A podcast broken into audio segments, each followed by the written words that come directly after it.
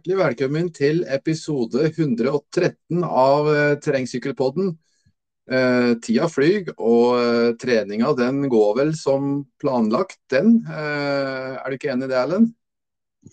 Ja, eller både òg. Det har vært litt vanskelig det her med å kombinere å gå med såpass mye skirenn med sykkeltreninga, for min egen del i hvert fall. Nå har det jo vært både Trysil skimaraton, Stafettvasan, Vasaloppet og Birkebeinerrennet på forholdsvis få uker. da. Så jeg har tatt noen rolige dager før, eh, før jeg har begynt med å kjøre litt bakkedrag ute og har rolige langturer ute de siste dagene. Så det er godt å komme ut, men det er fortsatt ordentlig vinterføre og vintervær her jeg befinner meg, da. Hva med deg og din trening? Jo, det, det, ble jo ikke noe Birken på meg pga. sykdom, men jeg, jeg, ble fort frisk igjen. da. Sånn at eh, man kan jo si at eh, jeg var syk i gåsetegn, bare for å slippe Birken. Men eh, nei da. Nei, jeg, jeg, var ikke i form. Men eh, det var bare mandag og tirsdag denne uka her som jeg ikke har eh, fått trent. Jeg kjørte bare en rolig økt for å kjenne etter på onsdag, og det kjentes bra ut. og Deretter så har jeg fått kjørt bra. Og en sånn gledelig ting for min egen del, da, det var at det, på dagens økt så gikk det jo kjempelett. Så, og jeg ser på pulsen fra tidligere økter, økter også, så var jo pulsen mye lavere enn tilsvarende økt uh, tidligere. Og jeg begynte å tenke på er det noe som har skjedd. Eh, man, det, det, føltes jo så rart, egentlig. Så, men jeg, jeg bytta pedaler, for jeg tenkte jeg skulle prøve de nye wattpedalene som, eh, som eh, jeg har fått meg. Uh, at, men Er det sånn at pedaler kan ha så stor forskjell på friksjon og sånn, eller, eller, er det bare Eller hva kan det være for noe? Nei, hvis har, wattpedalene har noen som helst virkning, så er det vel kanskje det at det er hakket tyngre. Altså de wattpedalene er vel litt tyngre i vekt enn de fleste andre, watt, eh, andre pedaler. Så, uh, men det med friksjon sånn, nei, jeg vet ikke. Um, nei, dette har jeg ikke tenkt så mye over, faktisk. Det var veldig rart. Jeg trodde ikke pedaler hadde noe å si, og det er ikke sikkert det har det heller. Altså. Det kan godt hende det bare var en usedvanlig god dagsform. Men, men sånn var det iallfall. Det var en utrolig god følelse i dag. Så bra. Man trenger noen sånne dager eh, innimellom òg. Eh, kan ikke bare slite på hver eneste trening. Nei, man kan jo ikke det. Så det er jo det er en fordel at man har noen gode økter eh, der man føler at det går lett. Så eh, må jo takke Christian nå, da, Christian Klevgård, for at eh, eh, treninga den, den, gir resultater. Og man tar steg egentlig Noen ganger så er det sånn at man føler å nei, nå nå, nå, tar man ikke noe steg, og man kjemper på føler man stanger litt hodet i veggen, og, men fortsetter og fortsetter. Og så, og så plutselig så, så, har man tatt et steg. Eh, jeg håper det er det som har skjedd, da. Så, men uansett, vi må, vi må si tusen takk til Kristian for det veldig fine treningsopplegget vi får ifra han.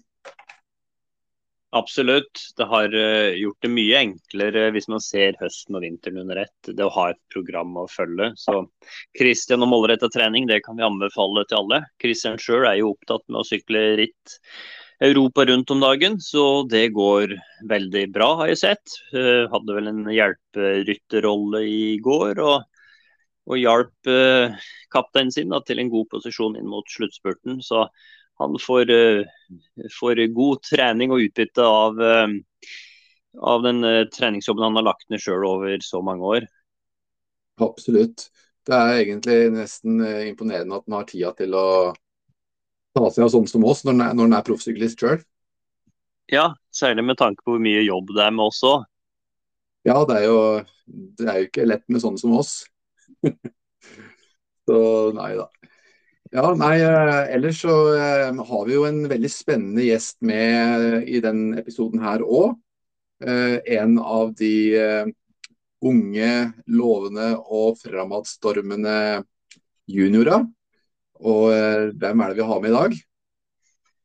Jo, i dag har vi med Vlad Daskalu. Nei da. Vi har med Birk, Birk Strand Rønnestad.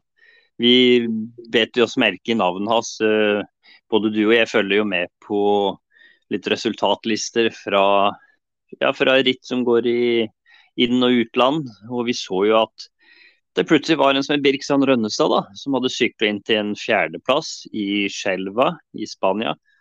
Bare noen få sekunder bak uh, de juniorsyklistene som er på landslaget, Sivert Ekerhold og Jonas Kinn Høydal. Uh, og da tenkte jeg at han må vi jo få tatt en prat med. Så det har vi jo da gjort. Um, ellers så er det jo veldig artig det her med de tidlige terrengrittene som går ned i, i Spania, her i Skjelva, og så hadde den vært et annet sted òg. Og det er at uh, Jeg husker så veldig godt fra Skjelva i fjor. Vi har jo pratet med mange av de som var der. og Særlig sånn som Martin Farstadvold, da, som uh, vant juniorklassen der i fjor. Han uh, har jo nå fått plass på, på terrenglandslaget i seniorklassen som førsteårs senior. Sånn at det å prestere så bra Eh, tidlig på sesongen. Eh, det, det kan jo vitne om hva som kommer til å skje resten av sesongen. Så, og Det at vi nå har tre juniorer da, som kommer på andre, tredje, fjerdeplass der, det gjør at jeg bare gleder meg veldig til å se fortsettelsen. Det er jo mye spennende ritt resten av sesongen nå. Mm. Ja, det er veldig, veldig moro å se hvordan det myldrer blant juniorer og hvilket nivå de ligger på. Så det skal jeg faktisk spørre ham om uh, i samtalen, hva han tenker om, uh, om uh, hva som kan være årsaken til at det myldrer og gror så bra på norsk terrengsykling blant, blant juniorer. Så skal vi rett og slett ta og høre med han. Ja, det gjør vi.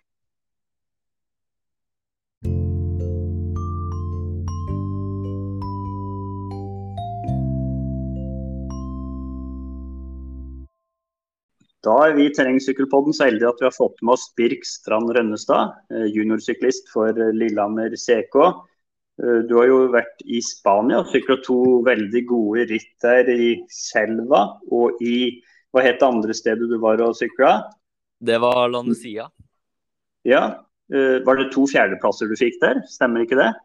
Jo, det stemmer. Så det var morsomt å få med seg de to der. Ja, Kan ikke du bare fortelle litt om uh, opplegget rundt det der med at du var der, og at du, du var jo rett bak de her gutta som er på juniorlandslaget og uh, gjorde jo veldig bra. Hva, hvordan arte løpene seg? Nei, det første var det i landet Sia, så der var det eh, bare oss fra NTG Lillehammer som var med. så det ble en god del uhell på resten av gjengen. Eh, men eh, ja, jeg hadde ingen uhell og klarte å stå hele løpet ut. Selv om jeg hadde en litt eh, dårlig start. Så, så plukka jeg plasser jevnt gjennom hele rittet, så det var morsom utvikling på det rittet der. Ja, Var det mange deltakere med der, eller?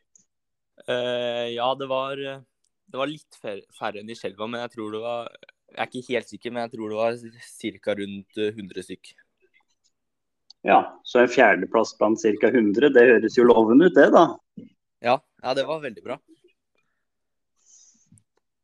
Og så var du i Skjelva, var det bare en uke etterpå eller noe sånt? Ja, det var uh, søndagen etterpå igjen. Så da dro uh, Der var ikke For vi, jeg var jo på samling med NTG Lillehammer i uh, Benedorm og Landesia er rett ved Bendorm, så alle stilte på det rittet der.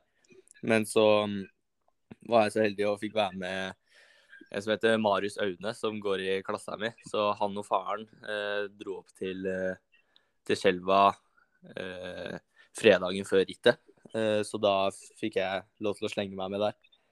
Så da um, dro vi, og så noen andre fra NTG Lillehammer, og så en god del fra Vang og andre skoler og Sande. Eh, dro dit og sykla, sykla, det rittet der. Så det var ganske bra norsk deltakelse i, i Skjelva. Ja, hvor, Vet du hvor mange nordmenn som var med, eller?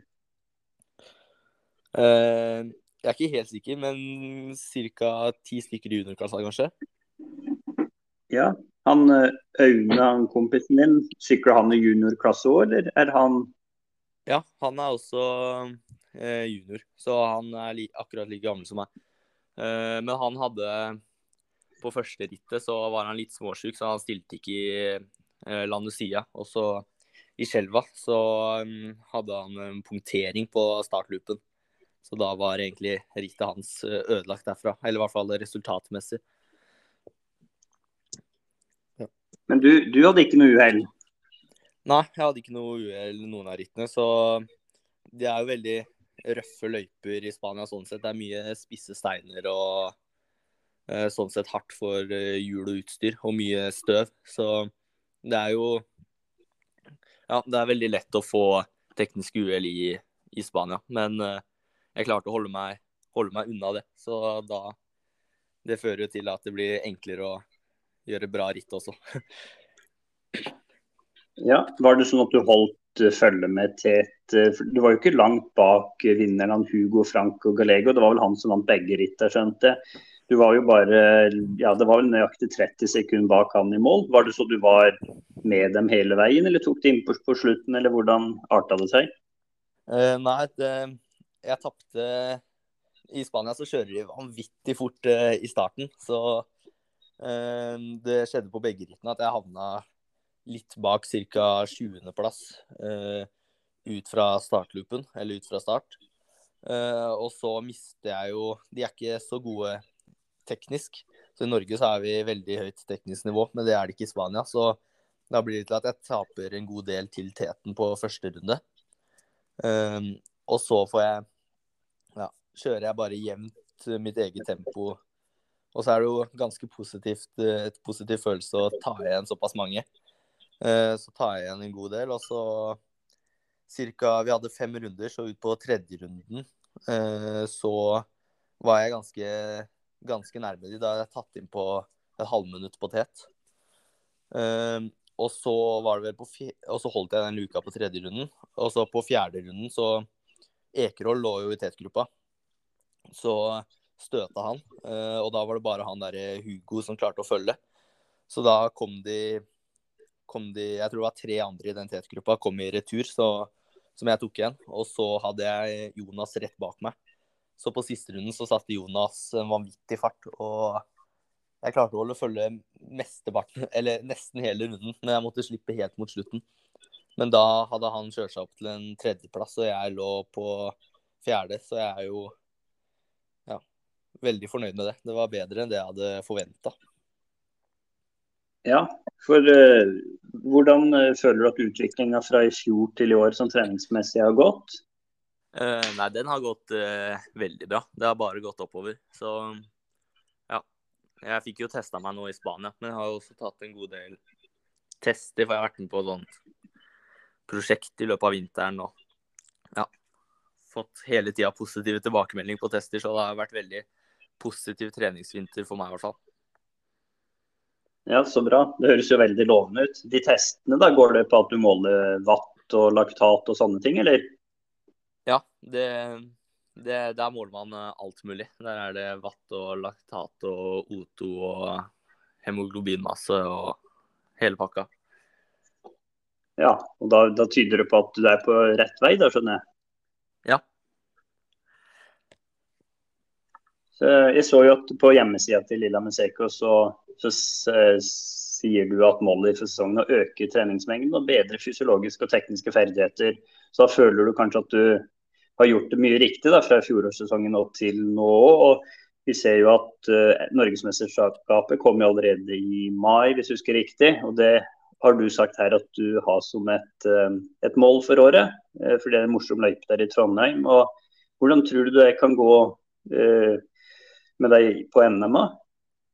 Eh, nei, det er jo litt, eh, litt, vanskelig å si, men jeg føler jo selv i hvert fall at jeg har tatt store steg. Men det kommer jo veldig an på hvilken steg de andre har tatt. Men eh, hvis Eller det er jo ganske garantert at alle har tatt steg, men jeg, jeg håper at jeg har tatt det største steget. Så jeg håper jo på en pallplass der. Jeg kom på fjerdeplass der i fjor, men da var ikke alle, alle de beste med. Så det blir hakket, hakket vanskeligere å komme på pallen i år. Men det er jo selvfølgelig et, et mål. Men eh, ja, jeg skal jobbe hardt for å klare det, tror jeg. Ja, det med at Norgesmesterskapet kommer så tidlig Og hvis du er bosatt på Lillehammer, så er det vel ikke all verdens muligheter å sykle på sti kanskje veldig mye i forkant. Hvordan er det du løser den tekniske treninga? Eh, nei, jeg er ganske opptatt av det tekniske treninga. Så vi, vi var jo i Spania og fikk uh, veldig bra utbytte der. Og så noen helger etterpå så var jeg med han Marius Aune igjen til Hvaler, for der er det jo bart, så fikk litt teknisk utbytte der òg. Og så skal vi på nytt igjen til neste uke. Vi drar på søndag nå på søndag, da den podkasten her kommer ut sikkert. Så drar vi til Arendal med NTG Lillehammer terrengsykkel. Så ja, da blir det å samle noen, noen timer der og kjøre litt fort i teknisk terreng som blir fokuset der. Så det, det er veldig, ja, veldig tilrettelagt. Da. Selv om vi er på Lillehammer, så får vi barmark.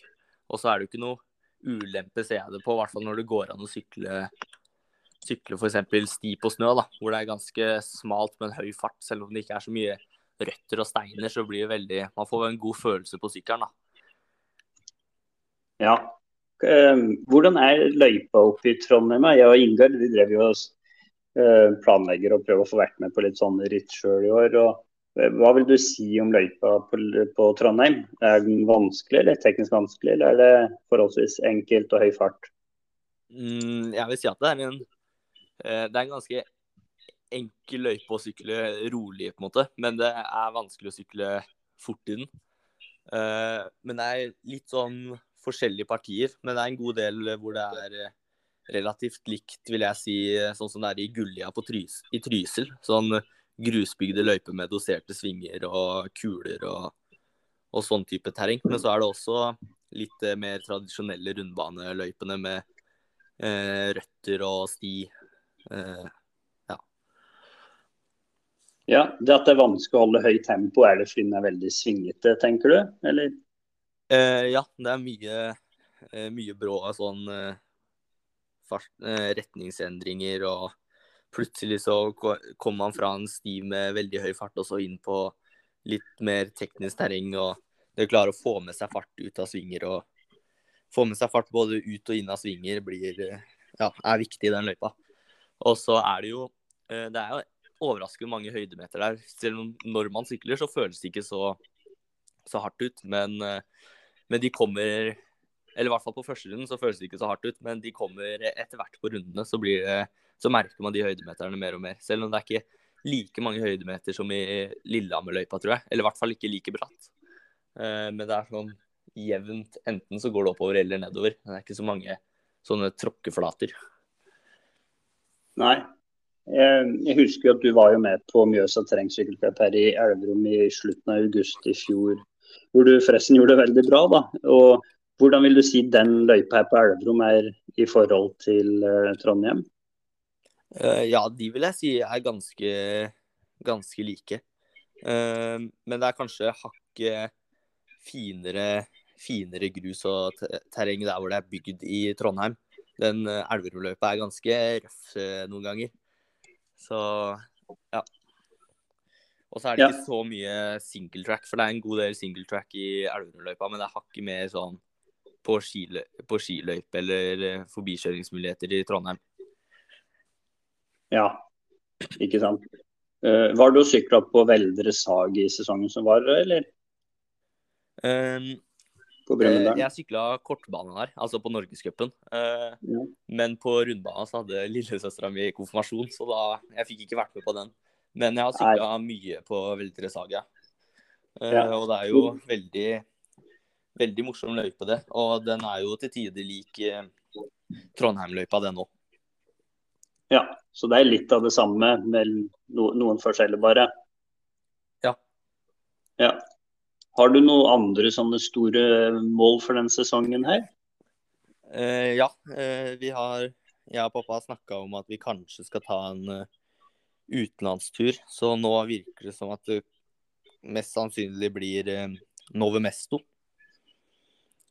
Så ja. det, hadde vært, det hadde vært morsomt å gjort det bra der. Ja, hva, hva, slags ritt er det som er der, da? Eh, det er sånn uh, junior World Series, som på en måte er worldcupen for uh, junior. Så det er, det er, samtidig som det er worldcup for for senior og U23 der. Så ja, det er svært rikt. Ja. Kommer det tidlig på sesongen, eller?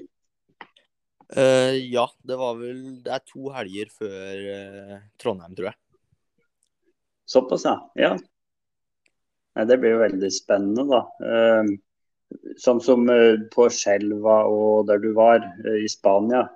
Tror du det blir mye av de samme deltakerne som kommer til Nove Mesto, eller også da fra flere land, kanskje?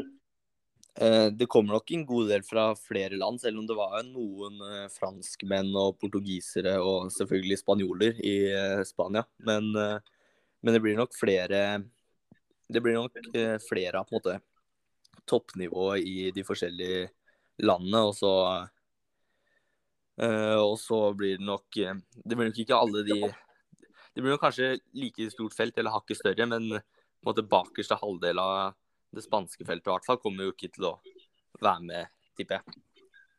Nei, ikke sant. Sånn I forhold til trening, er det stort sett på sykkelen du har trent gjennom vinteren, eller, eller har du også gått litt på ski og løpt litt og andre ting? Eh, det er desidert mest på sykkel, men jeg går en god del på ski, i hvert fall i starten av skisesongen. Eh, og så prøver jeg å løpe, løpe jevnt gjennom hele året. Så ja, jeg, jeg syns det er morsomt å gå på ski også, og løpe. Ja, men det blir i hovedsak eh, syklinga som også Brorparten av treninga gjøres på sykkel? Ja, ja, det er desidert mest time på sykkel selv om, selv om det er vinter. Både ute og, og inne. Ja, har du vært med på noen av de her eh, e-sykkelrittene på Swift og sånn, eller? Eh, nei, det har jeg ikke vært med på ennå. Så vi fikk nye ruller på, på NTG nå i, i, desember, tror jeg det var. Så, så det, var, det, er første gang jeg har hatt, uh, hatt Swift. Uh, så jeg ikke, jeg er ikke så inne i, inne i det Swift-systemet ennå. Men, men, det virker interessant å prøve. Ja, du sa jo det her med at du, du har vært med på et sånn uh, forsøk nå gjennom uh, vinteren. og Kan du si litt om de øktene du har kjørt der? For Jeg regner med at det er noen sånn standardiserte tester og sånn dere har kjørt? Uh, ja. det Første periode var terskelbolk. så da var det da var det først litt Først en test, og så hadde vi en, en uke hvor vi kjørte kun terskeløkter. Eh, og så var det ny test igjen. Så de terskeløktene var eh, Jeg husker ikke akkurat hvordan de var nå, men det var dragtid på ca. Eh, 60-70 minutter, som jeg husker. Så um, helt flatt. På, hvor vi kjørte på følelse, da, på Borg-skala. Ja. ja, det er jo litt spennende det der med å kjøre på uh, følelser. hvis man, selv hvis man er vant til å titte på en wattmåler, kanskje. Men du har kanskje ikke vent deg til det så fælt ennå, eller? Uh, nei, selv om jeg har jo hatt wattmåler en liten stund nå, så uh, er det desidert mest Borg-skala jeg bruker når jeg styrer intensitet og intensitet på intervaller og roligturer og sånn. Ja, men på den testen, er det sånn at man lett legger seg litt for høyt fra starten, eller, eller er det sånn at man er veldig altså, strategisk og legger seg litt kontrollert lavt og får vite at man skal fullføre? Eh, nei, det er, det er, litt forskjellige tester i én test, på en måte. Så den testdagen begynner med Det er på en måte én økt som varer i ca. to timer. Og så har man laktatprofil og eh, VO2 max-test og Eh, ti sekunder makswatt spurt, og og så, er det 30 minutter med bare mørning, og så er det 15 minutter all out. Så det er litt av hvert i den testen. Så O2-testen kommer ganske tidlig eh, i økta, men der skal man jo kjøre seg eh, Ja, da skal man kjøre helt til man ikke klarer lenger. Så jeg føler på en måte at det, den er lagt opp til at man skal komme fint gjennom den. Så ja, det pleier ikke å være noe problem at man starter for, eh, for hardt. Nei. Og så har det blitt fulgt opp med flere tester ettersom dere har gjort mer og mer trening, da, eller? Uh, ja, eller er, vi, hadde, vi har to sånne bolker, så det er én test før bolken og så én test etter hver gang. Ja, men prosjektet er avslutta nå, eller? Ja, ja, det er ferdig nå. Så uh, vi hadde siste bolken uh, det, det, var en hitbolk litt før vi dro til Spania. Ja. Da kommer det kanskje noen publikasjoner på det her, da, på, det, på resultatene? For jeg regner med det er mange som har vært med på det, eller? Ja, eh, det begynte i hvert fall med ganske mange. Fra både Bærum og Kongsvinger og hele pakka. Eh, så jeg tror alle har fått sine egne tall. I hvert fall på på, på de vanlige testene. Selv om jeg Ja, vi målte jo Tok jo biopsi og biopsi og målte Dexa-maskin og masse rart. Så jeg vet ikke om vi har fått alle tallene ennå, men vi har i hvert fall fått måte O2 og eh, terskelvatt og 15 minutter all-out og sånne ting, da. Ja, ja, ja. Det er jo spennende det her, da. Eh, men eh, det er sånn at du kun konsentrerer deg om terrengsyklinga, eller er det, driver du også med landeveissykling og andre grener i løpet av året? Eh, nei, det er kun, eh, kun terrengsykkel. Eh, selv om jeg sykler en, eller i hvert fall litt eh, landevei som trening og sånt, men jeg konkurrerer kun på, på terrengsykkel, for det er det, det, er det jeg syns er desidert morsomst. Ja, Hva er det som er det morsomme med terrengsyklinga? Er det det tekniske aspektet, eller hva, hva er det du syns er så gøy? Nei, det, ja, det er jo det, det, tekniske. Og at uh, man, ja, man er på en måte overlatt til seg selv, og at det er ca. én time hvor du bare skal presse ut så mye kroppen har. Og så i tillegg være litt taktisk smart og kjøre bra teknisk. Så det er liksom Det er veldig mye, da.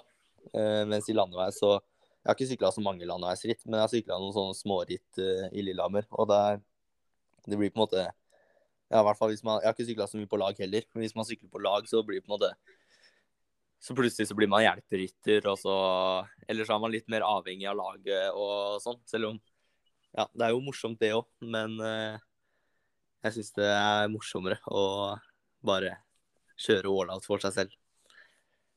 Ja. Du, du var jo med på Birkebeinerrittet i fjor, så jeg. Som, det blir jo litt som landeveisritt på en måte, kanskje. Hvordan øh, følte du det rittet gikk av? Uh, nei, det, det, gikk Det var første gang jeg sykla, uh, sykla Birkebeinerrittet hele greia.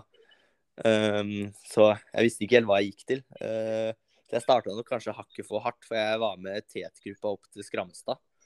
Uh, men der, der, sa det stopp for meg. Så Eller jeg fullførte, da. Uh, så jeg kom under tre timer, var det vel. Eh, men, eh, men det var seigt fra Skramstad og inn, for å si sånn. Og det er et godt stykke også. Ja, det er, det, er langt, det er, langt, igjen da hvis man har kjørt seg stiv allerede på toppen. Men, men det er liksom sånn alle kjører òg. Uh, det er liksom maks opp fra start, og så får man håpe man har litt, litt å gi på med senere òg. Men det tekniske var vel ganske grei skuring for deg, sikkert? Ja, det er jo egentlig bare uh, opp Djupose der, hvor det er noe litt teknisk utfordrende. Men uh, det gikk jo fint, det. Da lå jeg med, med Repsus opp der, så han kjørte jo, for å si det sånn, han kjørte hardt uh, etter den der løpebakken. Så det, jeg fikk, jeg fikk bryna meg der, ja. Ja, Dere satt dere sikkert tidlig på sykkel nå, der kanskje andre fortsatt løper med sykkelen, eller? Ja, vi satte oss på sykkelen eh, rett etter det der, eh, eller rett etter de rullesteinene. Så det var vi tok igjen en god del som løp oppover der. Ja, det er litt å hente der også. det, det var sikkert greit å få litt følge med han der. Ja, ja det var fint det. ja, nei men uh, Ingar, da har jo sikkert du noen spørsmål òg? Ja da, jeg har jo det. Så jeg sitter og tenker så fælt på den uh, NM. Uh, NM-deltakelsen. Ja, da. og så har jeg så lyst på at det, NM skal være på en måte noe som er litt for bredden òg, ikke bare for toppen. Men er det, tror du at det er mulig for uh, den sånn jevne sykkelmosjonist å være med på den løypa der, eller er det for teknisk, tenker du? Nei, den løypa i Trondheim, den tenker jeg at uh, der er det fullt mulig for uh, Eller man burde jo ha litt sykkelerfaring, men der, der, er det fullt mulig for flesteparten å være med. Så det er jo selvfølgelig noen litt eh, røffe A-linjer, men det er jo alltid B-spor til de. Men sånn, den generelle løypa er ganske eh, enkel. Ja, ikke sant. Er det de A-linjene som er der, er det er det ganske høye gaps, det er høye drops og, og rockguards og, og, den type ting? Uh, nei, det er vel et uh, Det er en litt uh, ekkel rockgarden, selv om den er ikke noe skummel, men den er litt vanskelig å ta i stor fart uten å punktere, for det er litt større steiner der. Og så er det et, et gap som går over en elv, som når man har tatt det en gang, så går det helt fint å ta det flere ganger. Men det er litt Ja, det ser litt skummelt ut, men ikke noe mer enn det. Nei, ikke sant. Det, hvor langt er det fra side til side på det gapet her? Det vet jeg ikke helt, men kanskje to en og halv, to meter. Så det er ikke sånn veldig langt. Men det, men det er ganske langt ned, så det ser, det ser skumlere ut enn det der. Ja, ikke sant. Eller litt sånn som det gapet i Elverum. Det, det, er vel kanskje ikke fullt så langt som Jo, det er vel 1,5 meter, kanskje? Jo, det er noe ganske likt eh, det gapet der. Bare at man kommer ned en litt eh, eh, litt ekkel bakke, så man har vanvittig høy fart på det. Så det er ikke noe Ja, ikke, man kan ikke case det hoppet i eh, Trondheim. Da skal man bremse veldig mye før. Men man må på en måte på toppen av bakken så må man bestemme seg for om man tar det eller ikke. Ja, ja det er synd å begynne å liksom ombestemme seg akkurat rett før. Ja. så ja, litt tilbake til uh, din uh, oppstart som terrengsyklist. Når var det du egentlig starta opp? Eh, jeg har sykla lenge terrengsykkel og har jo eh, vært med på treninger ja, jeg, Tidlig på barneskolen så begynte jeg med fellestreninger ved Lillehammer sykkelklubb, så det har vært veldig bra å fått måte vært med på det ja, så lenge jeg husker, da.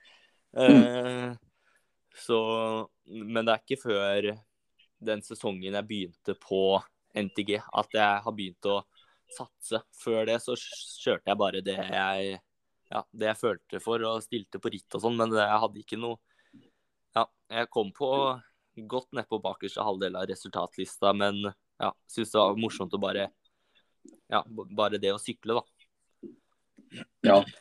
Det er vel ofte mye det det handler om i, i barndommen, egentlig. Bare å leke seg på sykkelen, kanskje.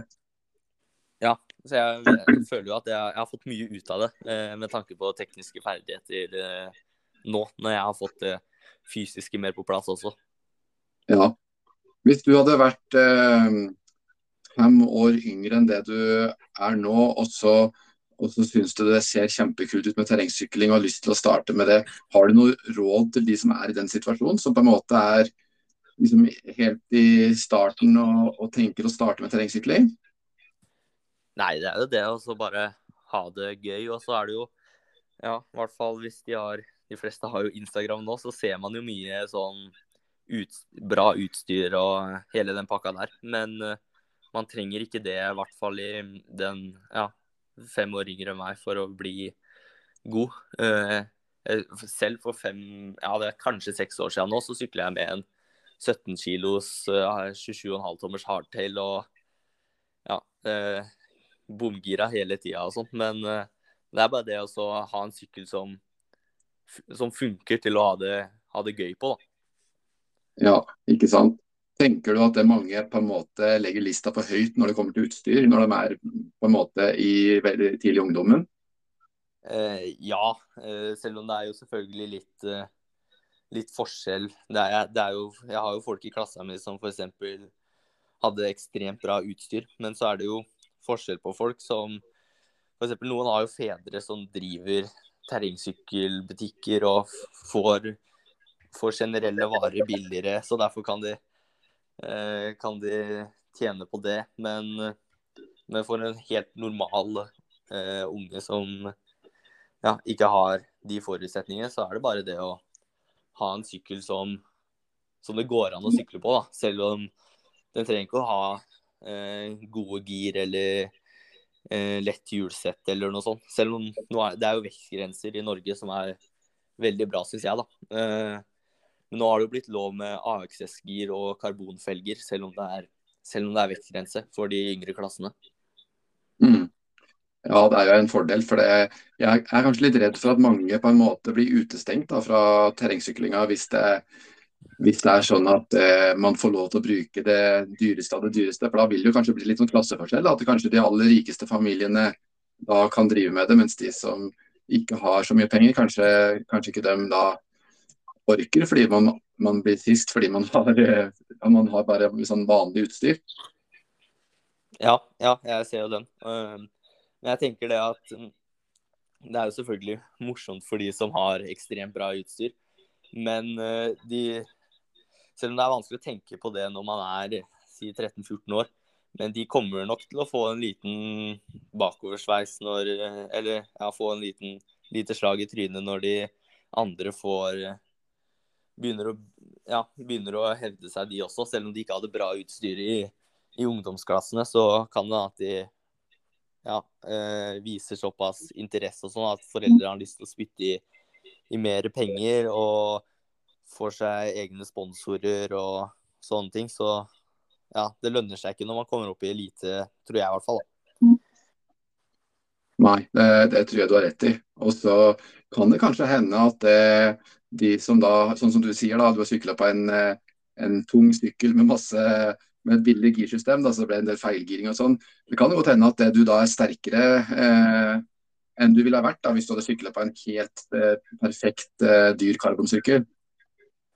Ja, ja, det er det stor sannsynlighet for. Spesielt sånn teknisk så merker jeg hver gang jeg har fått en ja, ja, det her er vel Den jeg har nå, er vel tredje sykkelen siden det. Så merker jeg at jeg, for hver sykkel jeg får, så er det litt oppgradering. Og for hver, ja, for hver sesong jeg sykler, så blir jeg nat naturligvis teknisk bedre. Ikke bare ved å oppgradere utstyr, da. Sånn at jeg Ja, det er jo morsomt å føle på det òg, istedenfor å få en sånn kjempeoppgradering når man er 13-14 år, og så og så er det ikke så mye mer å hente på sykkelen, da. så da må man ta ut mer, mer, selv. Selv om det er positivt å ta ut mer selv, men jeg tenker at det er ikke så vits å ta ut de småmarginene på sykkelen når man er såpass liten, fordi i hvert fall, hvert fall hvis man blir uh, ordentlig god, så er det ingen som husker uh, som husker 13-14-årsklasseresultatene. Uh,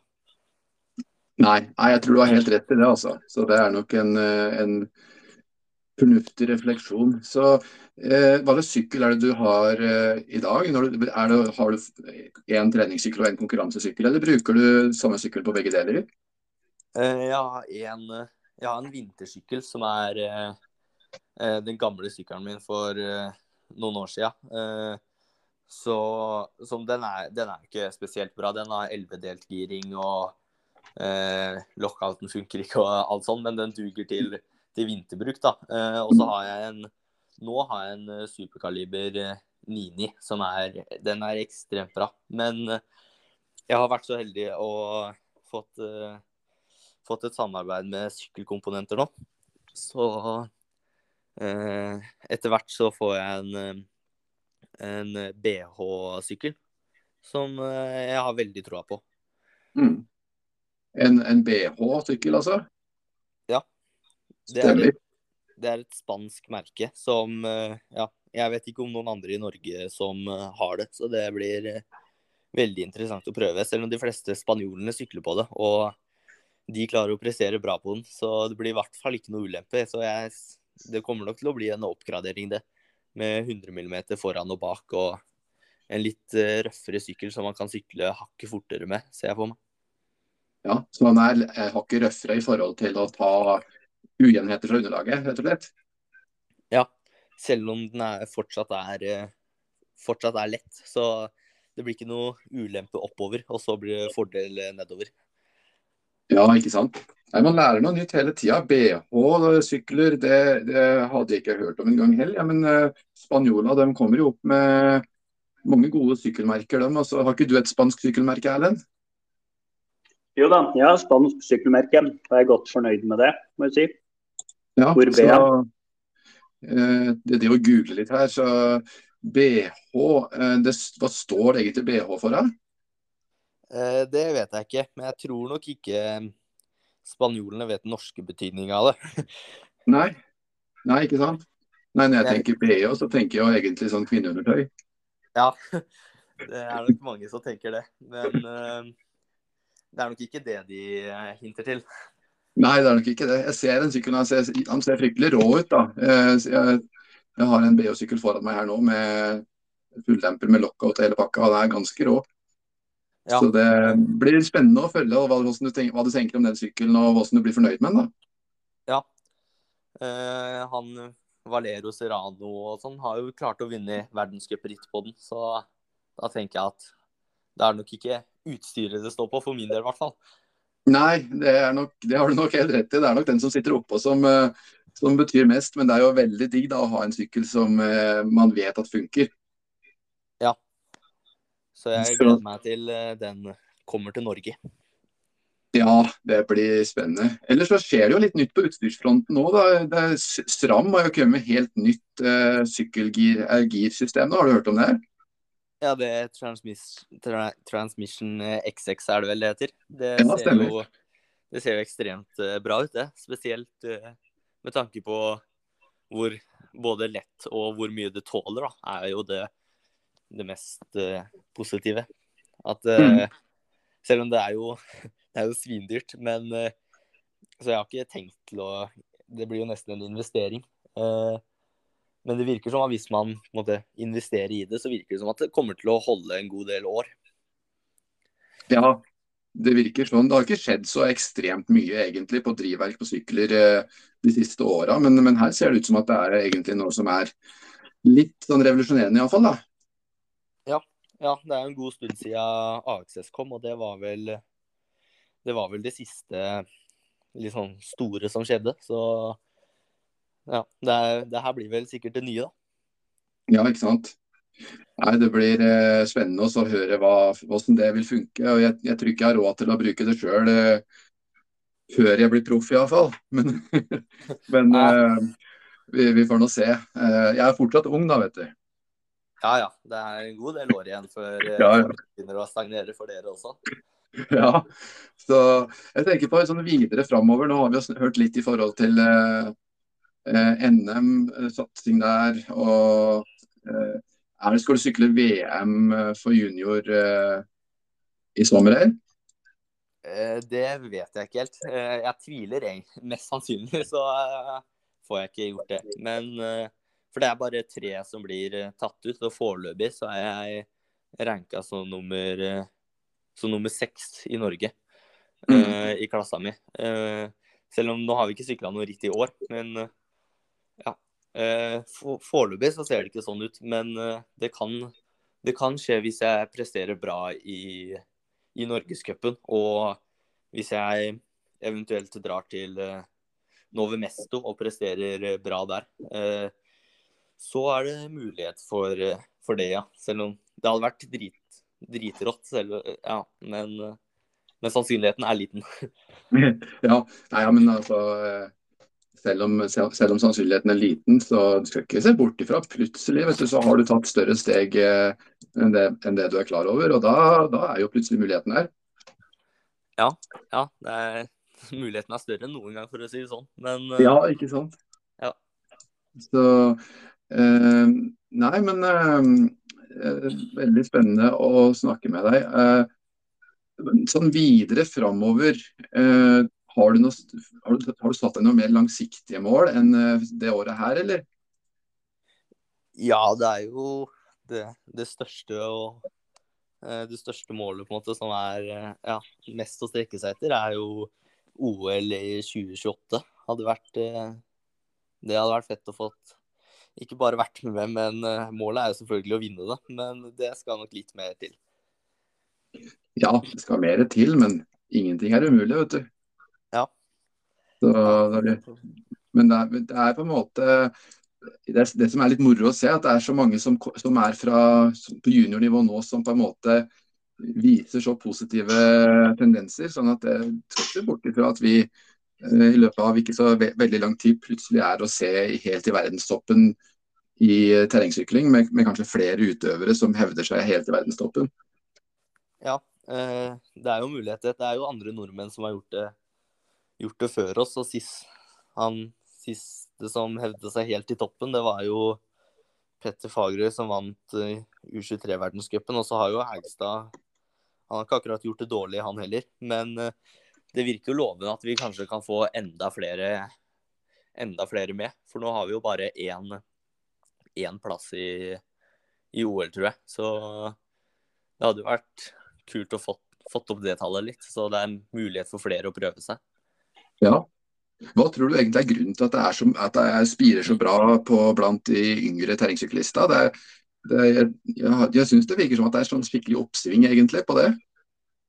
Ja, mm, det er jo både eh, Det er jo Spesielt i klassa mi så har det vært veldig høyt nivå hele tida. Som eh, spesielt eh, Sivert Ekerhol har stått for. Så er, vi har jo alltid hatt han å strekke oss etter. Så ja, det har vært morsomt å morsomt å ha en som er skikkelig god og strekke oss etter hele tida. Mm. Så, og så har vi jo hatt Ja, jeg tipper Eller jeg tror at sånn NTG og eh, NTG og Vang og alle de forskjellige toppidrettsskolene har også hjulpet med motivasjon. Da. At det er på en måte et mål, et mål å komme inn på de skolene før, før på en måte målet blir å gjøre det bra i elite. Mm. Ja, det tror jeg du har rett i. Så eh, skal du forresten sykle hanekamp og rypejakta som kommer? Det er jo NM maraton, så har du tenkt å sykle det? Mm, nei, det er ikke planen. Men jeg har ikke satt meg så mye inn i eh, rittkalenderen for i år. Men det, er ikke, det, er ikke, planen, i hvert fall. Men uh, Birken skal jeg jo selvfølgelig være med på, som er et maratonritt. Men når er de, når er de rittene? Jeg tror, eh, Hvis jeg ikke ser helt feil, så tror jeg det er uka før NM i Nilsbyen. Eller så er det uka deretter før det. Og så er det vel et norgescupritt, rundbane i Rye eh, i mai også. Norgescup.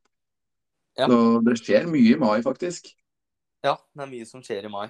Uh, ja, jeg skal det skal vurderes å være med på det. Det ser jo Det er jo veldig morsomt. Jeg har sykla Birken, og jeg syns jo, syns jo det var morsomt. Så ja, det skal ikke se bort fra at det kanskje skal, kan stille der. Ja. Nei, så da kan det jo hende vi ses der. For vi skal jo prøve så godt vi kan å være med, vi òg. Så selv om vi er mosjonister, så vi må jo prøve å stille opp. ja, det, det, er bra, det. Ja.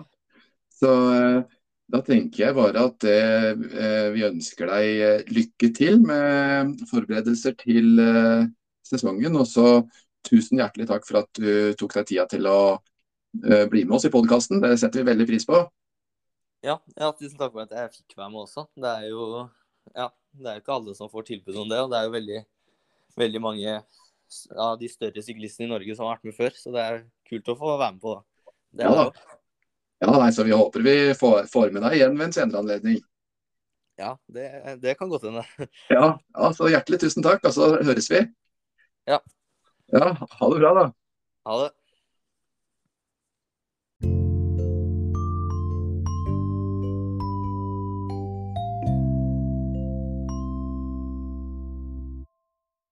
Ja, det var jo nok en eh, reflektert ung uh, terrengsyklist som presterer på høyt nasjonalt og internasjonalt nivå. Vi, vi, fortsetter å la oss imponere, eller hva mener du Ingar?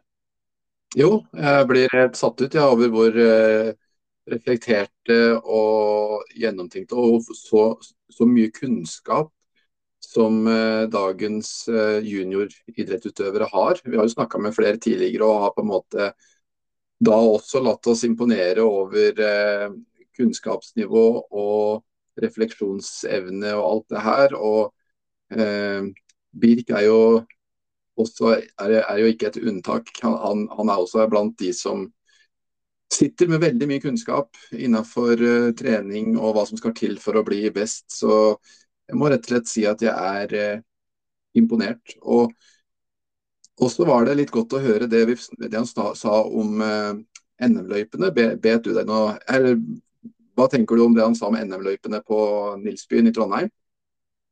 Jo, han, han gjorde i hvert fall ikke at det ble skremt, så det høres jo veldig lovende ut det der. altså.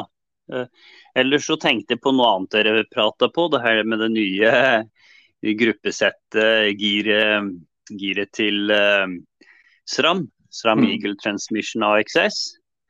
Og uh, jeg syns jo dette Det er jo alltid positivt med nye utviklinger og den slags. Men, det, men, på den andre måten så er det jo litt spesielt i de dager her hvor det er så store problemer med å få, få tak på de delene man trenger. At man velger å, å fase ut ny, eh, et nytt girsystem. da, Når det allerede er leveringsproblemer med dem som er fra før. Men, eh, ja, men det er veldig spennende.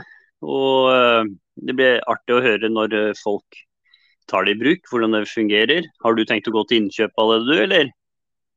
Um, ja, vi får nå se litt hvordan eh, folk er fornøyd. Da. Det er jo et, dyrt system, det er det. Og det passer jo kun til elektroniske girsystemer, om jeg ikke har eh, forstått helt feil. Og så er det vel noe spesielt i forhold til girøret på innfestinga på sykkelen som, som gjør det her litt spesielt i forhold til andre girsystemer. Så nå skal ikke jeg påta meg å si at jeg er noen ekspert på det systemet, men, men det virker som at det nesten mangler uh, girøre. Altså det nesten monteres rett i ramma. Er jeg på villspor der? Uh, ja, nei, si det. Jeg har ikke lest så mye om det, altså, annet enn at uh, For at du skal kunne bruke transmission, da, så må du ha en sykkel som er kompatibel med Srams UDH girørestandard. Mm. Eh, og det er nå over 300 modeller da, på markedet som faktisk har det. da.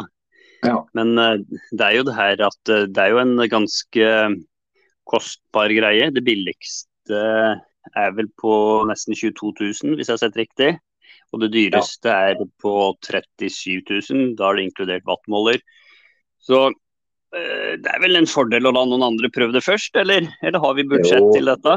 Ja, ikke enda. Vi får, uh, vi får bare se om vi får uh, noen som har lyst til å sponse oss mer på terrengsykkelpodden, så tenker jeg at da har vi fort råd til det, vet du.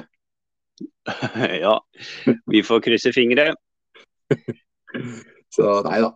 Nei, det, det syns jeg er litt spennende. Altså, selv om vi kanskje ikke er, kommer til å kjøpe inn dette her med det første, så er det er jo alltid veldig moro med utstyrsnyheter, da, selv om det kanskje er både positive og negative sider ved det. Så alt nytt er jo veldig spennende og, og interessant. Så jeg skal prøve å sette, sette, oss litt mer inn i det systemet videre utover. Så får vi kanskje gi litt mer info om det når vi kan litt mer om det. Tror du ikke det, Ellen?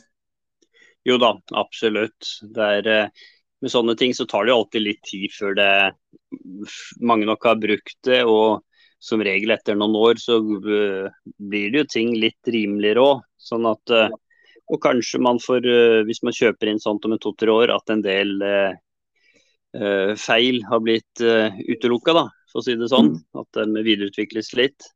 Ja, men, men hva, hva, tenker du nå? Det er jo ikke bare veier der du er, men det er ikke veldig lenge før nå.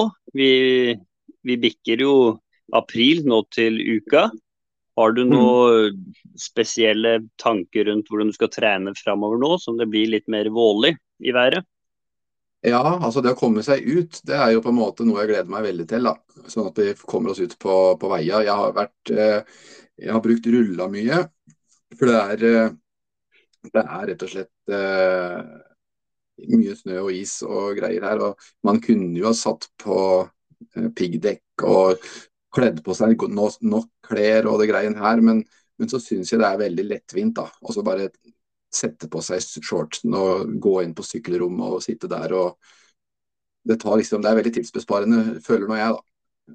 Men eh, ja. nå i morgen drar jeg til Fredrikstad. Så, og det er jo ganske langt sørover herifra, og der tror jeg det er bart, er det ikke det?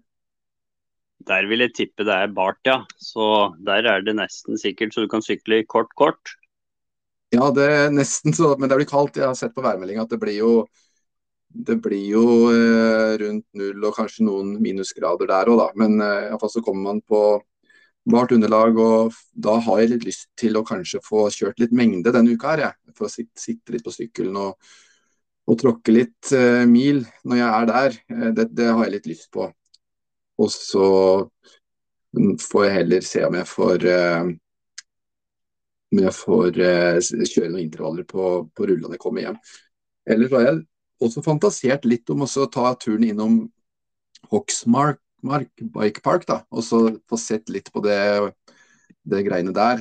Um, det, det, hadde vært For det er jo på en måte nesten på Det er ikke langt unna når, når man kjører dit. Så jeg har litt lyst på det òg. Ja, det skjønner jeg. Vi, vi hadde jo en eh, Thea Sigrud med i en tidligere episode som drifter Hoksmark Bikepark. Og vi ymta vel frampå at vi hadde litt lyst til å ta en tur dit og prøve ut eh, forholdene der. Så det, får du til det, så blir jeg rett og slett misunnelig. Ja, men da må jeg nesten gjøre det. Jeg elsker å gjøre deg misunnelig. Ellers så så jeg eh, denne videoen du sendte meg her om dagen. Det må jeg si jeg lot meg imponere av. Eh, I korte trekk så var det en mann i 70-åra som satt på stua og så på sykkelvasan, eh, opptak fra sykkelvasan, og satt på en rulle og tråkka som en tulling. Og hvem var det du sendte video av da? Nei, det var fatter'n. Han, eh, han, er eh, veldig gira på sykkelvasaen. Og da, det var jo Uppet spår da, som på en måte han fikk, tok, tok ilddåpen sin med eh, sist år.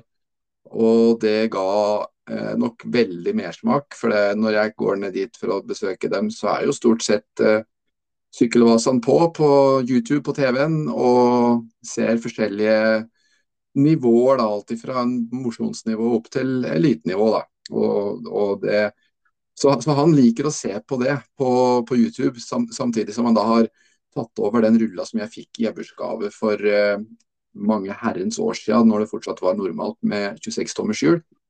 Han har jo en sykkel med 26 tommers hjul, en, en litt eldre sykkel, som han eh, bruker på den. da. Og da sitter han der og kjører, da, mens mutter'n sitter i, i, lenestolen ved sida av og leser en bok. Så sitter han der og ser på uh, sykkelvasaen og kjører på ja, det, det, virker som han kjører på terskel, for han puster jo fælt og blir ganske svett. Men han, han kjører hardt og, og er, uh, virker veldig motivert, altså. Ja, Det blir helt herlig. Det blir artig å se til sesongen hvordan dette kommer til å gå. Uh, og det er jo mange som han, vil jeg tro, rundt omkring i Norge, som uh, legger ned en skikkelig innsats for å bli bedre til å tråkke. Uh, ellers har vi jo delt ut Tor Gottaas-bøker, signerte sådan. det går jo nesten ikke en dag uten at de ikke har delt ut noen. Og, så vi må bare fortsatt si at dem som deler episoden eller podkasten vår, er jo med i trekningen av sånne bøker. Bare skriv inn til eh, Det blir jo til deg, da, Ingar, på Instagram mm. eller Facebook eller på via mm. hjemmesida vår. Om at de har delt episoden, så er man med i trekningen av uh, sånne bøker. Mm. Vi har jo vært så heldige at Tor Gotaas har sponsa oss med disse gavene. Ja, nei, det er all takk til Tor på det. altså. Det er fantastisk at han eh, hjelper oss med det. Ellers så eh, Hjemmesida vår, da, eh, terrengsykkelpodden.no. Eh, den har omsider blitt indeks altså, altså, Jeg har ikke så mye peiling på sånne her internetting og greier, da, men det kalles for sideindeksering. Sånn at han er nå mer synlig da, hvis man søker på den på, på Google. og der, skal, der ja, ligger det litt informasjon og, og diverse, da. Så ta gjerne en tur innom der. og, og del den sida òg, hvis man ønsker å hjelpe oss med det. da. Så det hadde, vært, det hadde vi satt pris på. Ellers er det jo muligheter eh, via Spotify da, å trykke på den følg-funksjonen. Eh, eller å rate oss der, da. Vi setter jo pris på tilbakemeldinger i, i form av sånne ting. Eller send inn eh, ønsker om hvis det er noen dere tenker vi kunne hatt med som gjester, eller noen temaer vi skulle ha diskutert, så er det bare å sende det inn til oss. og nå er det veldig mye som skjer framover, og rittsesongen nærmer seg. og Vi vil bli veldig glad da, med tips til eh, personer som eh, f.eks. er med på å arrangere ritt, eller treningsgrupper og den slags. Så bare ta, ta kontakt og gi oss tips. Mm. Absolutt. Vi har jo snakka mye om eh, NM rundbane, men vi kan jo si bare litt om NM maraton nå. Da. Det er jo også et arrangement som kommer fryktelig tidlig, kommer i mai. Du har fått med deg hvilket ritt det er, Erlend? Er det Hanekamp rypejakta i år, eller? Det stemmer. Eh, så det er da faktisk før NM rundbane i Nilsbyen. Så det er uh, uka før. Uh, så det vil si at det er vel omtrent midt i mai. Så der må vi stille, skal vi ikke det, Erlend? Ja, jeg håper virkelig vi har uh, mulighet til det. Også. Det skal prøve å stille på uh, mest uh, mulig som man har muligheten til. Da. Men nå, nå, har det seg sånn at for min del så jobber jo jeg turnus og helg, så det, det, er ikke alt man kan delta på sjøl om man har lyst. Det er jo litt enklere for din del, du som er ja, kan styre din arbeidshverdag noenlunde, i hvert fall. Ja, det er, det er veldig greit, egentlig. Så da kan man på en måte tidlig bestemme seg for hva man skal være med på. Så, så dit skal iallfall jeg, på NM hanekamp og rypejakt. da. Så der blir jeg nok en hard nøtt å slå, tenker jeg. Nei da, gjør det kanskje ikke det. Men det er et veldig moro ritt. Jeg har sykla det én gang før, og jeg syns det var kjempekult. Det, mange blir kanskje litt skremt av at, å høre at det er masse terreng og den biten der, og at man kanskje må sykle mye terreng for å kunne være med, men eh, jeg oppfatter ikke løypa som så, eh, så vanvittig teknisk. Jeg oppfatter mer som litt sånn lekent og litt Veldig mye flytstier. Eh, det var én plass der jeg syntes det var litt skummelt, og det var en sånn veldig bratt nedoverbakke rett etter vending på andre runden, mener jeg husker. Der valgte jeg da også å trille sykkelen ned, for jeg hadde ikke dropper-setepinne og var litt pinglete. Men, eh, men, ellers så er løypa bare kjempekul og kjempeleken. Så man, går man litt med de tanker at man kanskje har lyst til å stille der, så det, skal man ikke være redd for at det er vanskelig. Det er bare å melde seg på og stille opp. Ja, og du har jo god kjennskap til det her med hanekamp, du som har uh, feriert en del på Filippinene. Er det ikke sånn at det er en av de store idrettene i det landet, eller? Det med hanekamp? Jo, jo.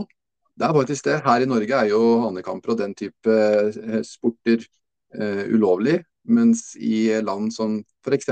Filippinene, og jeg tror veldig mange andre asiatiske land, Eh, så er jo hanekamp eh, nesten å se som en nasjonalsport, eller nasjonal idrett. Og her i Norge så bygger vi jo flerbrukshaller og den type ting for at barn og unge skal kunne drive med idrettsaktiviteter, mens der bygger de store arenaer for hanekamper i stedet. Da. Så det er litt eh, forskjellige perspektiver på idrett og sport eh, fra, mellom forskjellige kulturer. Men det er vel ikke sånn. Det er vel ikke det hanekamp eh, nede hos uh, Yankee, eller nede i Drammen der uh, er, da. Det er et artig terrengsykkelritt. Det, det er det virkelig. Ja, også det. Da må vi bare takke igjen Birk Strand Rønnestad for at han stilte som gjest i denne episoden her. Og takk til alle som deler episoden vår. Så høres vi igjen neste mandag. Ja, vi gjør det. Så da ønsker vi alle sammen en eh, riktig god treningsuke. Og så høres vi igjen neste mandag. Ha det bra, da.